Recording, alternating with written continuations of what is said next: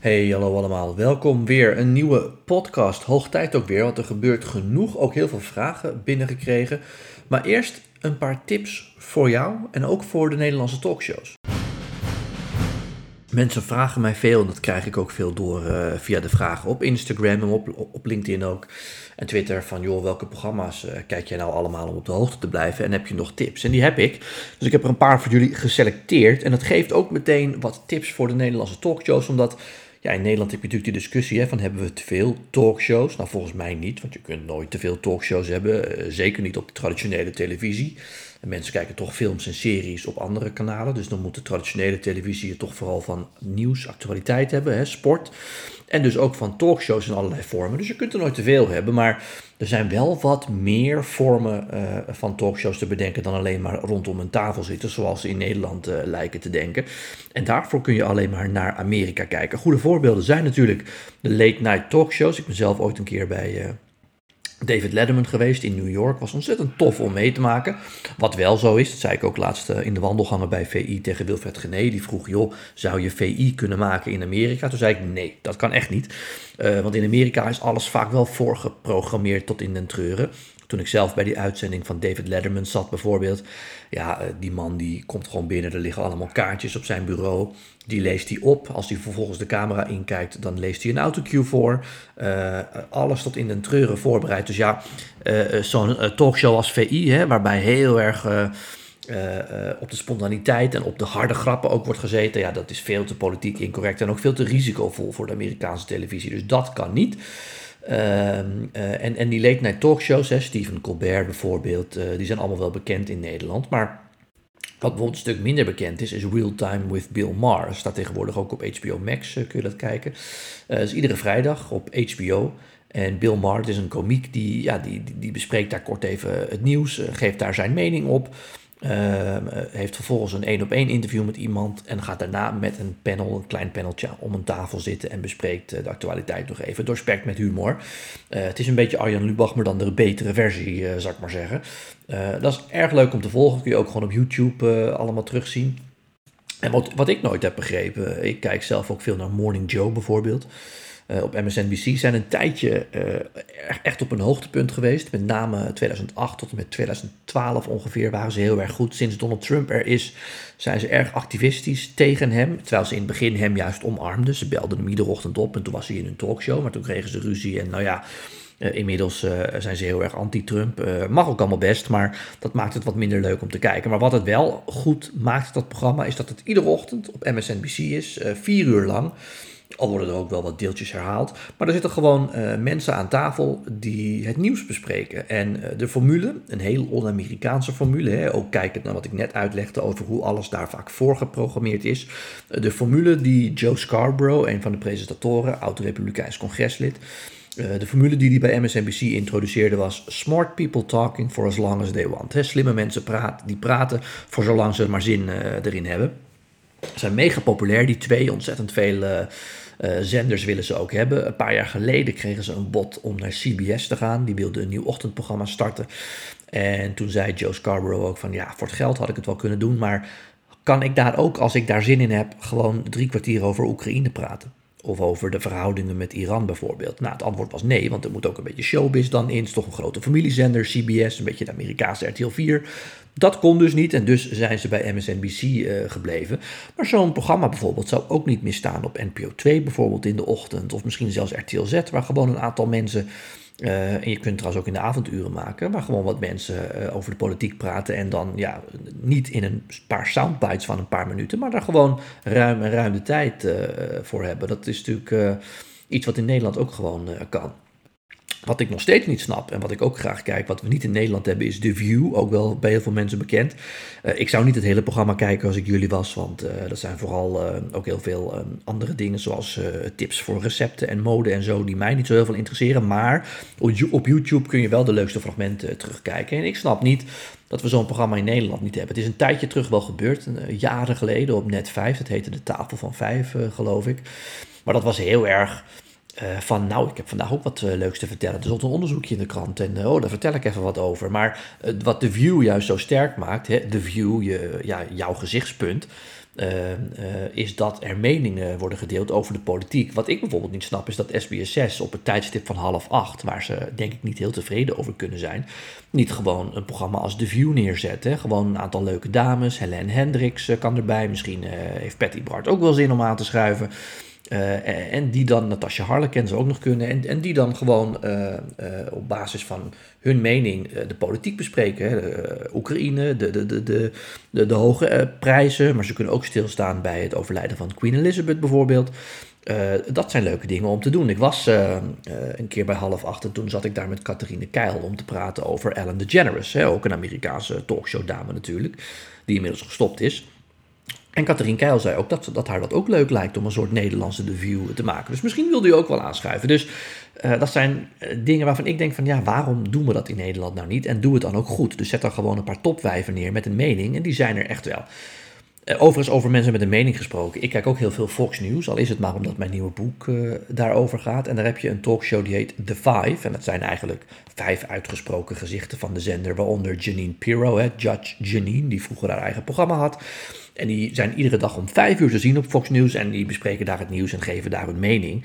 En dat is ook iets wat prima in Nederland kan. Zet een aantal mensen met een goede mening neer en laat hen het nieuws bespreken. Wat dat betreft is de meest originele Nederlandse talkshow nog wel Vandaag Inside. Uh, omdat die echt die formule hebben van, nou ja, welkom in onze huiskamer, welkom in onze kroeg.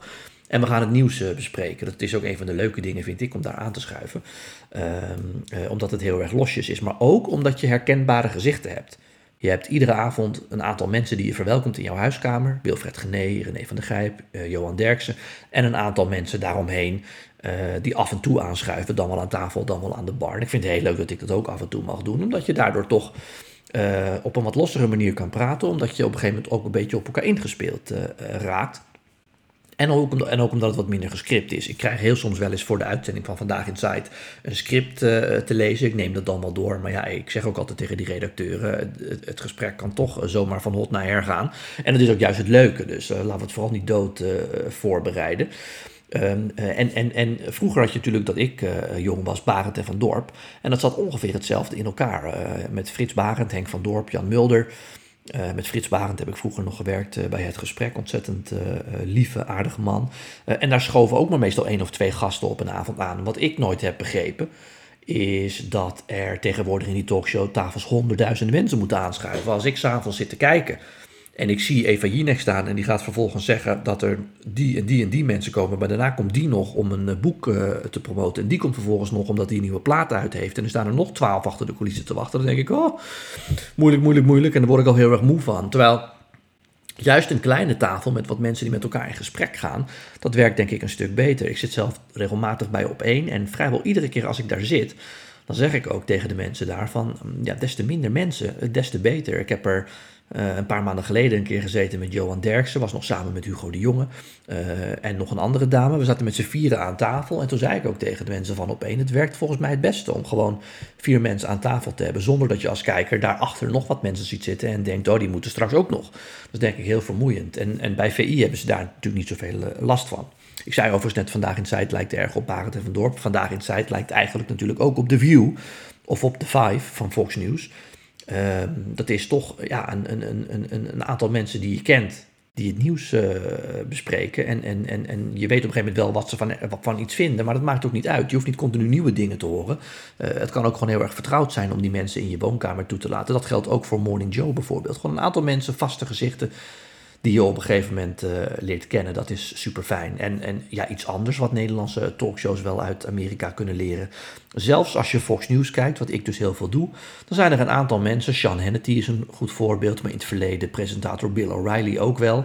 Uh, ik zou jullie adviseren om ook op YouTube hun op te zoeken. Die uh, vallen denk ik allemaal onder het Fox News kanaal op YouTube. Uh, maar die hebben hartstikke goede interviews met mensen. En die nemen daar ook uitgebreid de tijd voor om met die mensen te praten. Dus nou, Bill O'Reilly is al een tijdje gestopt, maar zeker Sean Hannity. Kijk daar eens naar. Uh, niet alleen krijg je dan een ander beeld van Amerika dan dat je op zenders als CNN uh, ziet. Uh, maar het zijn ook gewoon gesprekken waar ruim de tijd voor wordt genomen. En dat zie je ook te weinig, denk ik, op de Nederlandse televisie. Zelfs in het gehaaste Amerikaanse politieke medialandschap, en zeker wat televisie betreft, wordt er nog best wel lang de tijd genomen om met mensen te praten. Het schoolvoorbeeld daarvan bestaat helaas niet meer, want Charlie Rose moest ermee ophouden omdat hij ook grensoverschrijdend gedrag tentoonspreidde in de studio. Maar het toonvoorbeeld daarvan was altijd Charlie Rose, die iedere avond op PBS, de Amerikaanse publieke omroep, ja, een uur lang een programma had waarin alleen een hele donkere eikenhouten tafel stond met een pikzwarte achtergrond. En daar zat Charlie Rose met een gast. En soms met uh, eventjes later nog een andere gast. En die hadden gewoon een uur lang de tijd om over een boek om over, of, of, of over een bepaalde ontwikkeling uh, te praten. Of om een keer een debat te hebben over ja, of de belastingen op bedrijven nou echt omhoog moeten of niet. Er werd een uur de tijd voor genomen. En ook dat zie je te weinig op de Nederlandse televisie. En nou ja, als ik bijvoorbeeld naar NPO 2 kijk, dan denk ik, waarom zou dat daar op de late avond niet kunnen? Eén tafel, donkere studio. En zet twee mensen, bijvoorbeeld Sven Kokkelman met een gast, tegenover elkaar voor gewoon een goed gesprek. Wat even duurt. Matthijs van Nieuwkerk zou dat ook goed kunnen. Uh, met andere woorden, die hele discussie in Nederland van zijn er niet te veel talkshows? Nou nee, dat denk ik niet. Er zijn wel te veel dezelfde talkshows. Altijd maar weer die tafel met mensen die dan uh, aanschuiven en nog veel meer mensen daarachter die komen aanschuiven. Moet je allemaal niet doen. Er is veel meer variatie, ook veel meer variatie dan die bekende Amerikaanse late night shows waarin een of andere komiek grappig zit te doen achter een tafel. Dat is ook leuk, maar er is nog veel meer om naar te kijken. Bij deze wat tips uh, voor jullie om te kijken.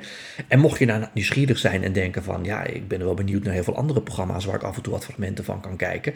Ja, dan moet je toch echt mijn boek kopen, Nieuws als Wapen, want daar ga ik nog veel meer van dat soort uh, programma's af. En daarover gesproken, we naderen de uh, hoeveelheid exemplaren die ik had beloofd om te tekenen. Dus als je nou nu nog er eentje bestelt, voor jezelf of voor een ander, dan kun je op de website van Sparkle Auteurs ook erbij zetten of het voor jezelf of voor een ander is en wat voor een boodschap je er eventueel bij zou willen hebben. Dan schrijf ik die er alsnog bij. Nieuws als wapen via de website van Sparkle Auteurs te verkrijgen en anders via mijn sociale media. Tot zover, dan hebben we nog een aantal vragen uh, te behandelen. Ik kreeg er twee binnen deze week die erg straightforward zijn, dus die kan ik meteen maar even pakken. Uh, zo, zo, vraagt Fair of uh, Trump, als hij toch herkozen zou worden, of hij dan ook nog een keer herkozen kan worden. Met andere woorden, kan een president maar één. Ja, mag een president, als hij toch één termijn gediend heeft en dan verloren heeft, als hij dan terugkomt, mag hij dan alsnog twee termijnen achter elkaar vervullen? Nou, het antwoord daarop is nee, dat mag niet. Iedere president mag twee termijnen vervullen. En natuurlijk doen de meeste presidenten dat achter elkaar. En als ze verliezen, komen ze nooit meer terug. Nou, Trump kan wat dat betreft een uitzondering zijn. En dan mag hij gewoon nog één keer een termijn volmaken, maar niet twee keer. Al kan het natuurlijk zomaar met Trump dat hij daar zelf anders over denkt. Uh, want Trump zou Trump niet zijn als hij daar toch iets anders naar zou kijken. Dus dat moeten we nog maar zien. Maar in feite is dat één termijn. Dan kreeg ik ook nog een aantal vragen omdat ik op Instagram iets had gepost over 9-11. Dat was uh, afgelopen zondag 21 jaar geleden. En uh, een paar mensen vroegen hoe die aanslagen toch hebben kunnen uh, gebeuren, omdat je tegenwoordig toch na, met geen mogelijkheid de cockpit van een vliegtuig in kan komen en ook uitvoerig gescand wordt. Ja, dat klopt. een paar jonge kijkers hebben dat gevraagd. vroeger, en dan heb ik het echt over de jaren 90, 80, was die beveiliging op luchthavens echt een stuk minder. Dan hoeft je echt niet urenlang in de rij te staan om 43 keer gecontroleerd te worden. En de deur naar de cockpit, die was soms ook gewoon open. die was in ieder geval niet op slot, zoals nu het geval is. Dus zodoende hebben de kapers uh, binnen kunnen komen en hebben ze uiteindelijk ook de cockpit binnen kunnen dringen en daar de piloten kunnen overmeesteren. Behalve natuurlijk in die ene vlucht uh, die in Philadelphia of in Pennsylvania is neergestort. Daar hebben ze dat ook geprobeerd, maar hebben de mensen in die vlucht het geprobeerd nog te voorkomen. En dat vliegtuig is neergestort uiteindelijk en heeft zijn doelwit niet bereikt. Zou onderweg zijn naar het Capitool of zelfs het Witte Huis. Maar dat is gelukkig niet gebeurd. Al is het natuurlijk ook tragisch dat die is neergestort.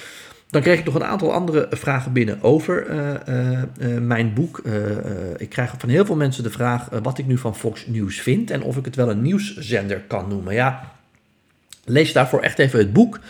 want daar ga ik uitgebreid op in. ik kan maar een tipje van de sluier oplichten. Ik denk dat het een nieuwszender is, omdat het een zender is die de hele dag in het teken staat van het nieuws. Maar er is heel veel commentaar. Uh, ook op het nieuws. Uh, en dat vanuit een bepaalde hoek. Doen overigens andere zenders ook. Zeker MSNBC, maar ook CNN. De vraag is, is het nog een beetje in verhouding? En één presentator die in mijn boek ook uitvoerig aan bod komt, dat is Ted Koppel. Die is niet van een van die nieuwszenders, maar dat is een oude rot in het vak. Maar die heeft wel vaak kritiek op die nieuwszenders. En die zei ooit in een interview met Sean Hannity tegen Sean Hannity, um, ja, ik vind toch dat jullie te uitgesproken zijn en dat we daardoor soms een beetje uh, de waarheid uit het oog verliezen. En toen zei Sean Hannity, ja, ik ben eigenlijk gewoon alsof ik een columnist van een krant ben. Uh, ben je daar soms ook tegen? En toen zei hij nee, Ted Koppel, maar ik ben er wel op tegen als die columnisten de voorpagina van de krant schrijven. En toen zei Sean Hannity, ja, dat is een goeie. Nou, dat fragment staat ook in mijn boek en dat is ook waar mijn boek over gaat. Hoe verhoudt zich dat dan met elkaar en hoe is het zo ontstaan? Nieuws als wapen dus nog steeds vooruit te bestellen. Goed, tot zover deze podcast met wat tips voor jullie om te kijken en hopelijk ook voor Nederlandse televisiemakers. En ja, blijf je vragen vooral opsturen. Kan via Instagram, LinkedIn en Twitter. En dan beantwoord ik die de volgende keer weer. Tot zover. Tot dan.